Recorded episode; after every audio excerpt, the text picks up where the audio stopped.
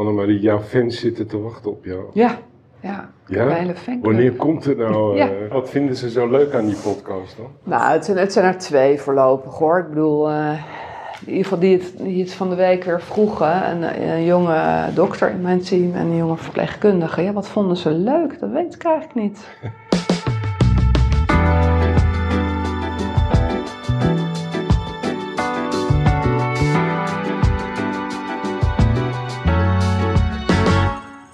denk het feit dat je op een andere manier eh, over, over het vak praat, denk ik.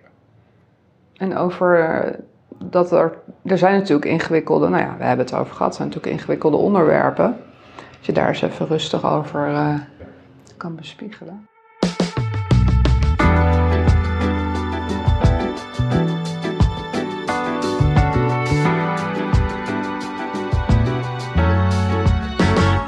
Welkom bij de podcast De Psychiater Doorgezaagd. Een podcast van Annemarie van Dam en Rokus Lopik.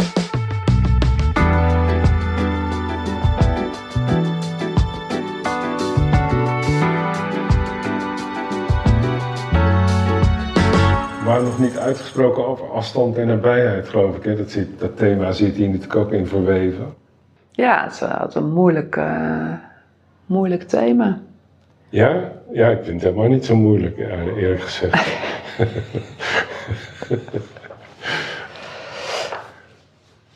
Nou, ik vind het wel, het, is wel iets waar, waar, waar je in, in groeit in de loop van je professionele leven.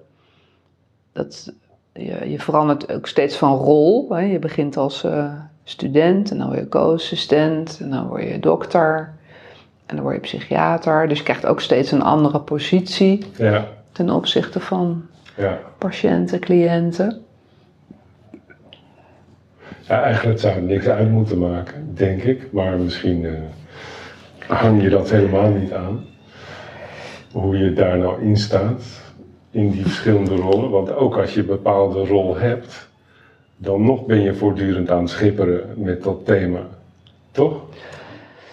Jawel, maar kijk, als je, als je bijvoorbeeld als co-assistent, dan zit je gewoon erbij en dan ben je, kan je, praat je met een patiënt en dan hoor je zijn verhaal en dan, zeg je, dan kan je gewoon hè, empathisch reageren en het allemaal Mhm. opschrijven en zo. Maar als psychiater ehm, moet ik ook diagnoses stellen, behandelingen voorstellen, bespreken Ja. ja, zeg maar in zo'n vakteam zijn er toch wel best wel dingen die mensen ook ingewikkeld vinden. Als ik bijvoorbeeld zeg, ik wil heel graag toch ook uw familie betrekken. Iemand uit uw familie. Ja. Ja, dat, eh, dat willen niet alle mensen, eh, vinden dat even fijn. Ja, dus je, je komt onherroepelijk op onderwerpen die, die eh, lastig, pijnlijk zijn. ja. Heb jij ook een eigen praktijk trouwens? Nee, Zie je nee, daar mensen? Nee, nee, Nee, ik vroeg me ineens af, zou dat anders zijn? Als je een eigen praktijkruimte hebt en je ziet iemand eh, jaren achter elkaar, of het dan vers- zou verschillen van je rol in een vakteam. Ik denk dat, ja, dat, dat durf ik niet. Dat, als je zeg maar echt een hele strakke psychotherapie doet, dan ja, heb je daar natuurlijk ook een boundary issue. be- bepaalde manier van omgang met elkaar. Ja. Ja, ja, ja. En zo'n ja, zo'n vakteam, dat. Ja, het ingewikkelde vind ik dat we dus de hele tijd ook aan het meekijken zijn van. En dat is dan toch weer een beetje paternalistisch, maar. Van, eh, doet iemand het wel goed met zijn financiën? Eh, veroorzaakt hij geen overlast? Eh, moet ik toch gaan ingrijpen? Moet ik een mentor benoemen? Moet ik een zorgmachtiging aanvragen? Moet ik besluiten tot... Ja, jullie werken natuurlijk met mensen met uiterst complexe problemen. Ja, Ja. En het is een uiterst ongelijkwaardige situatie. ja. Want mensen laten allerlei steken vallen op allerlei levensgebieden. En Ja. nou lijkt het alsof ze dat bewust doen, maar dat is natuurlijk niet zo. Sommige mensen kunnen niet in plaats Ja. van niet willen. Eh, dus dat, dat geeft veel ongelijkheid. En dat vraagt veel van jou en je teamleden, denk ik ook. Want tot hoever eh, reikt jouw macht als hulpverlener? Of wil je dat het reikt? Ja, en je weet van tevoren niet wat je, of wat je doet, of dat goed is. Je, je, ik, ik, ik moet altijd denken aan een meneer die woonde in een, in een nou ja, redelijk oud huis eh, in Amsterdam-Noord. En eh, die had buren. En die man die beschouwde zichzelf als kunstenaar. Vol met schilderijen. Een Geweldig. enorme bende. Is het er nog? Helaas niet, een enorme Nee. bende. Ehm, helaas, nou ja, die meneer nam, was niet altijd even goed qua medicatie, dronk ook nog te veel alcohol. En er was echt behoorlijke overlast voor de buren, met kleine kinderen. Hè? En dan zit je, zit je al eerst in de spagaat dat je denkt, ja, godsman moet toch zo kunnen leven. Ja. Hè? Maar dan denk ik, ja, ik fiets eh, aan het eind van de dag naar mijn buitenwijk en eh, ik heb die meneer niet naast mij wonen. Nee. Hè? Dus ik moet me ook echt wel inleven in hoe het voor buren is om zo iemand naast zich te hebben. Was het mooie kunst? Nee. Nee. Was het een aardige man? Was, ja, het was, na- het was met name een, Excentriek, leuk. ja, een excentrieke man. Ja. Een man met karakter. Ja, weet je? Dus we vonden hem allemaal leuk. Nou, dat vonden bedoel ik. Dat leuk. wilde ik horen. Ja, Dat maakt het al anders. Ja, ja, nee, zeker. We hadden allemaal echt wel een zwak voor hem. Dus wij, hadden, wij, wij helden ook allemaal wel, nou laat die man er nou toch wonen. Maar ja, meldpunt zorg en overlast en al die hè, druk op ons uitoefenen. Politie, woningbouw. En op een gegeven moment hebben we ons echt goed verdiept in wat voor overlast die veroorzaakt. Echt veel en uitgebreid met de buur gesproken. En dan denk je, ja, het kan toch, het kan gewoon niet. Het Nee. gaat gewoon echt te ver. Ja. Dat, dat kinderen angstig in huis zitten en niet kunnen slapen. En Ja. dus op een gegeven moment hebben we dan toch een machtiging aangevraagd. En de meneer is uit het huis gegaan en moest ook sowieso dat huis opgeven. Wat was het gevaar eigenlijk? Overlast, dus voor anderen. Dus, dus de psychische eh, schade voor anderen.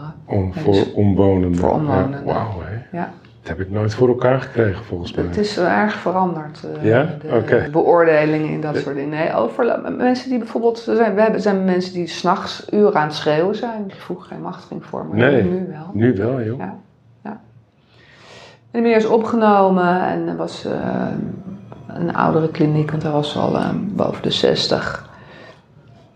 En ja, het laatste wat wij allemaal van die man is gewoon verpieterd in een kamertje in een verpleeghuis. Hm. En ja, daar heb ik dan wel pijn van. Dat vind ik dan wel. Ja, me dunkt, hè. Ja, Ja. dat vind ik dan wel heel erg pijnlijk. Dan, Ja. had ik echt gehoopt dat dat op een andere manier Ja. was uitgepakt. Wat wel bijzonder, want hier ligt eh, mijn manuscript van de Holeman van Amsterdam-Noord op tafel. Dat is eenzelfde verhaal. En die man woonde in een bosje hier eh, Mm. Eh, in het taluut tussen twee eh, uitvalswegen van de snelweg. En, en eh, woonde die al vier jaar. Maar wat deed hij? Hij groef kuilen in het taluut. En op een dag waren ze erachter gekomen dat de snelweg ging golven ging verzakken. door die gaten. Die waren 4, 5 meter diep. En hebben, toen hebben we nog een ingenieur bij gehaald, via de stadsdeelraad, weet ik nog. En die zei, ja, dus eh daar kunnen, kunnen sinkholes eh, ontstaan. Op basis daarvan hebben we, hem hebben we hem opgenomen. Ja. En eh, ik weet nog goed dat hij naar het SPDC Oostzin, dat kan ik nu zeggen, want dat bestaat toch niet meer. Ja. En, en, en toen zocht ik hem op en toen hadden ze hem medicatie gegeven. Nou, hij was geen schim meer van wat hij was. Ja. Al zijn vechtlust was weg. Ja. Oh, daar had ik ook zo'n vroeging over. Verschrikkelijk. Ja. Nou heb ik al een beetje verklapt wat er in het boek staat, maar goed, dat maakt niet uit. Ja. Ja, Nee, maar dat, dat, is dus, dat is dus het hele ingewikkelde van dat soort beslissingen. Want het is ook andersom. We zien ook mensen die enorm ja, opknappen, die wel Ja. eh, ehm, dan keuzes kunnen maken en hun leven zelf weer kunnen gaan inrichten. de meeste mensen toch? Hoop Ja. ik, Gaat het goed mee? Ja, Ja. Ja. Ik heb, ik heb een, een- iemand in behandeling die, die, die zat in de kliniek en die kwam helemaal tot niks. En die hebben ze gezegd, nou we gaan toch nog één keer clozapine proberen. Hè? En, een zeg maar derde generatie, of Ja. een derde lijnsmiddel van wat je dan uiteindelijk gaat proberen als Antipsychotica. andere toch? antipsychotica Ja. niet gewerkt hebben. Die verbeterde zo dramatisch, Ja, dat ze kon weer naar huis. ja, grappig dat je dramatisch zegt. Ja. Het was een drama, Ja. een drama Ik begrijp het, maar in, deze, in dit geval in zeer positieve in zin. positieve zin. Dus we, we, we kennen allemaal alle verhalen, alle kanten op. Zitten we opeens op drang en dwang. Ja. daar. Ja, Maar wauw, dat was ik... eh, ik heb iets gemist volgens mij als het over die BOPZ... eh, ja dat heb je zeker, want dat, dat weet ik wel, dat vroeger kreeg je ongeveer Nou, dat kreeg je niet eh, voor elkaar, nee. nee. nee. Nee, maar er is op een gegeven moment is er het, het inzicht gekomen of de visie gekomen dat ehm, het op, zeg maar, vanuit psychose je leven inrichten en je dan op je autonomie beroepen, Mhm. dat de vraag is of dat ja, echte autonomie is, of dat dat gedreven is vanuit de psychose. Of je niet moet kijken of je mensen echt hun wilsbekwaamheid kan teruggeven. Ja. En dat ze vanuit daar dan kunnen gaan kiezen voor wat voor leven ze willen leiden. Hè. In Amsterdam, de, de, de mannen met de, de verveelde lange haren en de Mhm. winkelwagentjes, die zijn er niet meer. Die zijn allemaal uiteindelijk gediagnosticeerd, behandeld.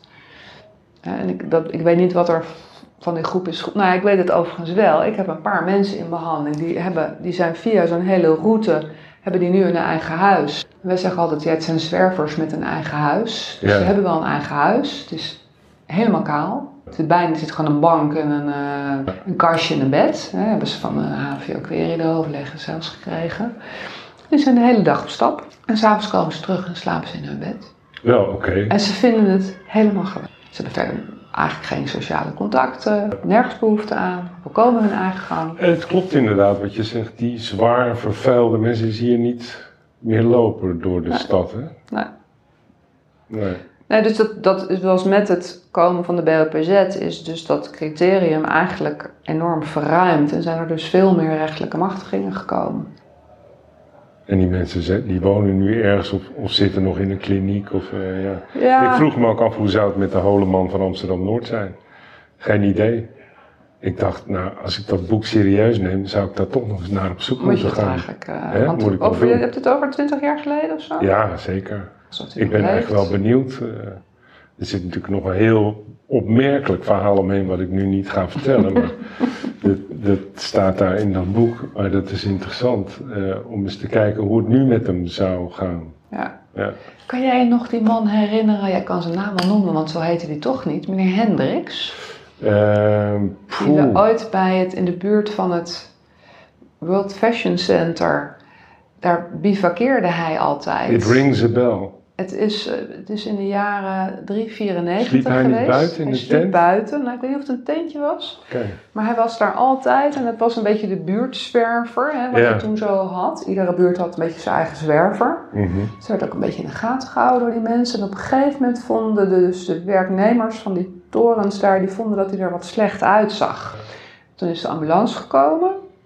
En toen bleek hij dus daverende bloedarmoede te hebben. Hm. Werd hij behandeld in het ziekenhuis, ons geliefde Slotervaartziekenhuis. Want dat was het gemeenteziekenhuis, die namen dat soort mensen op. Dus Ja. ik heb hem daar als arts gezien. En ehm, ja, ik kan alles wel vertellen, omdat hij was hartstikke achterdochtig. Ja. Hartstikke achterdochtig. Dat is natuurlijk de reden dat hij ook buiten wilde Ja. leven. Dus we hebben hem stiekem 1 milligram haldol laten geven, een druppeltje. Hm. Een paar druppels is dat. Waarmee hij niet helemaal normaal werd, maar Nee. wel verpleegbaar. Hè, Hij was gewoon niet verpleegbaar, zo achterdochtig. En ehm, Daar een woord eigenlijk zeg, verpleegbaar. ja, Ja, ja, zo was hij. Je moet, de zuster moet toch wel, eh, ja nee, ik begrijp helemaal wat je bedoelt. moet er toch wel erbij durven te komen en zo, toch? Ja, Dat, eh, ja, ja. En ehm, toen is hij volgens mij wel, toen is eh, nou ja, toen is met ontslag en toen is op een gegeven moment is hij plots overleden. En toen werd iedereen, toen kwam hij op tv, want ze wisten niet hoe hij in werkelijkheid heette. Hij heeft zijn hele identiteit vanuit achterdocht eh, ook niet eh, ja, kenbaar gemaakt. Dus ik weet nog dat ik jou toen belde. Ik zei, nou, meneer Hendricks was op tv. Dat Ja. was meneer Hendricks. Maar Ja. hij noemde zich meneer Hendricks. Hij heette helemaal niet meneer Nee, Hendricks. precies, ja. En hij werd eh, van gemeentewegen begraven op de begraafplaats Sint-Barbara. Dat neem ik aan. Ja, Met- daar gingen Met de alle... dichter. Ja. Dan kwamen de, de kistdragers onbezoldigd voor eh, naar hun werk. Om Ja. een dakloos iemand eh, gratis en voor niks naar zijn laatste rustplaats te leiden. Ik vond het altijd heel indrukwekkend, die eh Heel, begrafenissen. En het gebeurt Ja. nog steeds, hè? Ja, ja, zeker. Die, die worden daar nog steeds begraven op die... Want ik, ik heb toen in het ziekenhuis met hem daarover gesproken. Van waar komt u vandaan en uw familie. Ik wilde helemaal niks, geen gegevens vertellen. En toen wilde dat, heel, dat helemaal weg. Ja. trieste verhalen. Ik moet wel Ja. zeggen dat ik het altijd, als we dan weer gebeld werden vanuit het leger des Heils of zo, eh, naar het rehabteam Rokers, eh, er zit hier iemand en we weten niet hoe die heet, waar die vandaan komt. Geen idee, zou je niet eens met deze...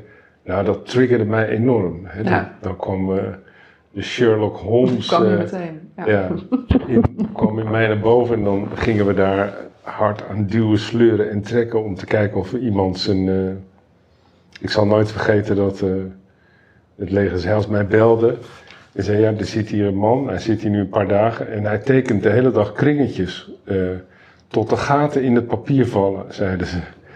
En eh, ik zei, nou is goed, ik kom wel kijken. En inderdaad, die man zat daar de hele dag aan tafel, eh, cirkels met allerlei gekleurde pennen op, op dat papier, tot de gaten erin vallen.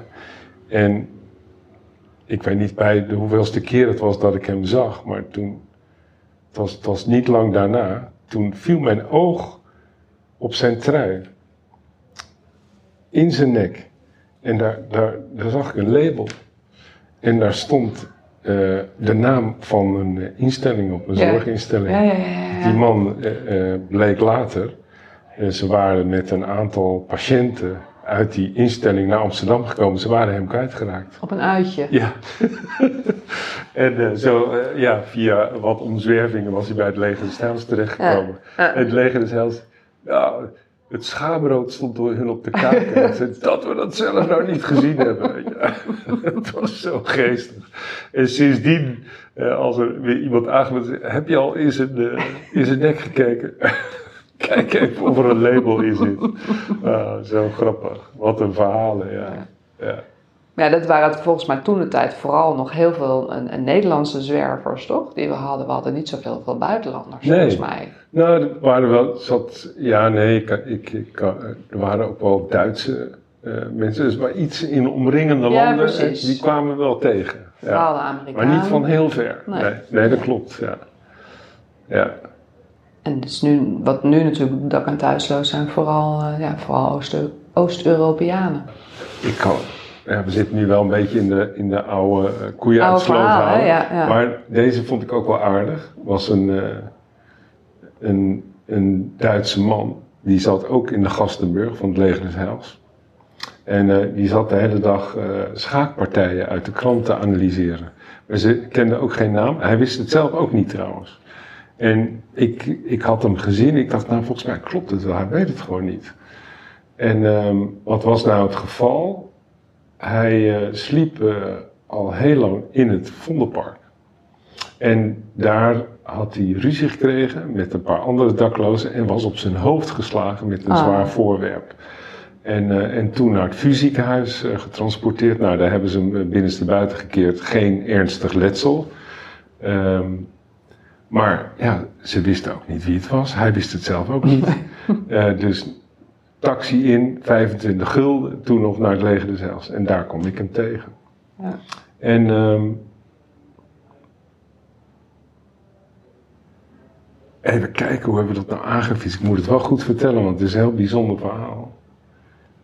Op een dag zijn we ook, eh, oh ja, ik ben eh, met hem alle schaakkroegen afgegaan. Eh, en ik kwam uiteindelijk bij een schaakkroeg, vlakbij het Leidseplein, korte Leidse dwarsstraat, café, waar veel geschaakt wordt, daar zat ik zelf ook wel eens. En daar kenden ze hem. Oké. Ja, dat is eh, Horst of weet ik wel hoe die heet. Ja. Ik weet het niet eens, Heinz. En eh, ja, die komt hier al jaren. Die komt hier al jaren schaken. En we hebben ook geen idee waar die vandaan komt of wat dan ook. Eh, uiteindelijk, dat was ook nog trouwens grappig, want ehm, als ik hem bezocht, dan, dan kon hij mij zich niet herinneren van de keer daarvoor. Tenminste, dat dacht ik. Eh, totdat wij hem eh, zijn papieren is goed eh, gingen lezen, van zijn ontslagpapier van het fusiehuis. En wat bleek, die man had heel slechte Visus. visus. Ja. En, dus toen zijn we naar een opticien gegaan. We hebben een bril voor hem aangeschaft. Nou, die man, toen hij die bril opzette, begon hij de, de breedste glimlach die ik ooit gezien heb. Want hij zag ineens weer iets. En hij herkende mij natuurlijk subiet van, oh ja, je bent vorige week ook geweest. Ja. Eh, ja, uiteindelijk hebben we ergens eh, een oproep gedaan, ik weet niet meer waar. En eh, na een paar weken kregen we een brief met een foto erbij van drie lieftallige dames. Achter desk van een receptie van een taxibedrijf. Die zei, nou, dat, dat is de hand. Eh, dat, dat, die, dat, die is taxichauffeur bij ons geweest. Eh, het was zo grappig. En ehm, dus wij hebben die man uiteindelijk teruggekregen naar Duitsland, eh, naar een heel klein dorp waar hij inderdaad taxichauffeur was. Die dames hadden er wel bij gezegd, ja, hij is altijd al wat excentriek. Want soms dan op vrijdagmiddag, als dan de week voorbij was en hij was klaar met werken, dan reed hij wel eens in één ruk door naar Parijs, dronk een kop koffie ergens op een terras en reed weer terug. Ja, zeer, zeer mooi. Heerlijk, eh, ja. ja, prachtig verhaal. Ik weet wel dat ik sindsdien altijd eh, eh, in Amsterdam, als ik een, een auto zie staan, een, een taxi met een Duits nummerbord, dan moet ik toch altijd weer aan hem denken. Die zie je niet zoveel, maar Nee. ja, de. Hans, de Heinz, geen idee meer hoe die heette. Maar Ja. ja. Die drang en dwang, hè. Want daar zouden we ook nog gaan. Of moeten we daar volgende keer op doorgaan? Ik weet het eigenlijk niet. Ik vind het wel wat dat, je, dat jullie dus veel meer mensen kunnen opnemen dan, dan wij vroeger ooit eh, konden doen. Gebeurt het ook echt, denk je? Nou, er worden wel... Worden er meer mensen gedwongen opgenomen? Dat- Ja, dat vind ik een hele... Dat is, er worden in ieder geval zijn er veel meer eh, crisismaatregelen Ja. en IBS'en dan dat er vroeger IBS'en waren. Ja, ja. En het aantal machtigingen is volgens mij ook behoorlijk Terwijl alle ja. beleid erop gericht zou moeten zijn om het omlaag te Ja. brengen, toch? Ja. Ja, daar spelen natuurlijk een heleboel dingen mee. Eh, ten eerste is de bevolking gewoon enorm gegroeid. Ja, er zijn meer Er mensen. zijn toch echt een paar miljoen mensen meer. Dus dat moet je ook niet aan onderschatten. Ehm, en wat, wat in de tijd dat, dat ik begon, was het vooral was het veel heroïnegebruik. Hè, dat was toen nog eh, de druk van eh, keuze. Ja, En nu zijn het veel meer de, de cocaïne en de speed en ecstasy en amfetamine. ja, En heroïne, dat dempt. En dat is ook een beetje antipsychotisch. Dus Mm. als je schizofrenie hebt en je bent psychotisch en je gebruikt heroïne, word je daar niet per se slechter van. nee, nog sterker. Ik had ouders die kochten op de Dam heroïne voor hun eh, psychotische kind. Ja, nee, precies. Omdat die daar beter op reageerde dan op handel. Op de antipsychotica, ja, Ja. precies. En, maar met de uppers, zeg maar, is dat dan toch niet zo. Dan Nee. worden mensen echt... eh, Toch veel gekker gaan ze doen. En agressief. En je komt natuurlijk vooral in beeld en je wordt vooral opgenomen als er sprake is van agressie. Ja, Nou ja, en daarnaast zijn er nog een heleboel andere redenen, ongetwijfeld. Maar Ja. ja, ja en, en ik, ik denk dat hè, hoe, de, hoe de maatschappij ten opzichte van afwijkende, afwijkend gedrag eh, staat. Ja. Wat wordt geaccepteerd, wat niet. minder tolerant zijn we denk ik. Tolerantie, we zitten misschien ook weer met meer mensen op een Op- kluitje. Op een vierkante meter. Ja, Er worden aan ons hogere eisen gesteld dan vroeger. ja Dus, voel je dat zo? Ja. nou ja, ik denk dat in de algehele maatschappij dat het leven is sneller, complexer Ja, geworden dan dat het 30 jaar geleden was. ja, Dus wij zijn, even heel generaliserend, misschien ook eerder geprikkeld en willen ook minder, inderdaad minder gedoe om ons heen hebben. Hey, volgende keer als we nou met elkaar spreken, dat had ik al eens eerder gezegd voor je, zullen we dan een gast uitnodigen? Ja, lijkt me hartstikke leuk. Gewoon zo'n psychiater die helemaal niet het medisch model aanhangt. Gewoon hier aan tafel, eh, we zitten hier eh, bij mij thuis, eh, uitzicht over het ei. Je hoort nu de motor van de veerboot ronken die net vertrekt. Dus dan, dan doen we dat hier. Ja. Lijkt me leuk. En heb jij, ken je specifiek iemand met wie je eigenlijk nog nooit eh, een psychiater die, die wars is van het medische model? Wie zouden we dan. Oh, eh, daar moet ik even over nadenken. ja, vind ik wel leuk eigenlijk. Om dat eens te doen. Ja. Ik vond het een prettig gesprek. Jij ook? Het is altijd... Nou ja, terwijl, terwijl we zaten te praten, dacht ik, nou ik kan het zo integraal erop zetten. ik weet niet of mensen ik ga het er niet interessant eens. vinden. Nou, dat weet ik ook niet, maar ik ga er niet eens in knippen en plakken. Eh, Nou, jij hebt in ieder geval al twee fans, dus dat Ja, is ik heb al genoeg. twee fans, Die zitten nee, te wachten dat- totdat ik dat weer op het net zet. Ongelooflijk blij als ik weer... eh, Ja, leuk. ja. Wie zijn dat eigenlijk? Mag je dat niet zeggen? Ja, Lissa en Roland. Ja, en wie zijn dat? Lissa is verpleegkundige uit mijn team. Oké. Roland, eh, de jonge dokter. Leuk. Ja. Ja. Nou ja, we hebben zeker fans, want eh, die, eh, die tweede aflevering is, is eh, meer dan geloof ik, 700 keer beluisterd. Dus Ik vermoed wel naar de duizend, vind ik. ja, vind ik ook. Ja. Oké, thanks Annemarie. Ja. Ik wens je een mooi weekend en zaterdagavond. Ik weet Ja. niet wat je gaat doen, maar een beetje chillen. Een beetje chillen. Ja. Precies. Thanks. Nu dan Zo, een selfie doen. Voor, eh, voor dat ge- gaan we op het balkon staan, doen Ja. we dat voor dat gebouw. Vind ik leuk. Ja.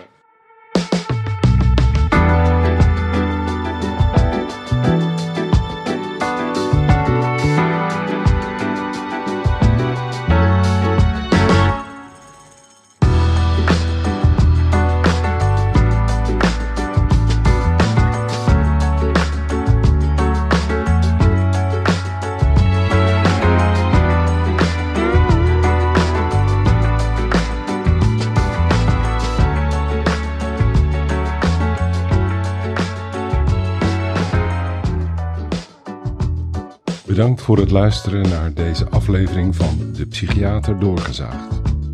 Iedereen vindt altijd wel iets van iets. Als jij er ook iets van vindt, laat dan een review achter. Misschien vind je het bijzonder om er ook iets over te zeggen. Stuur mij een bericht en ik nodig je uit aan mijn tafel met uitzicht over het ei in Amsterdam.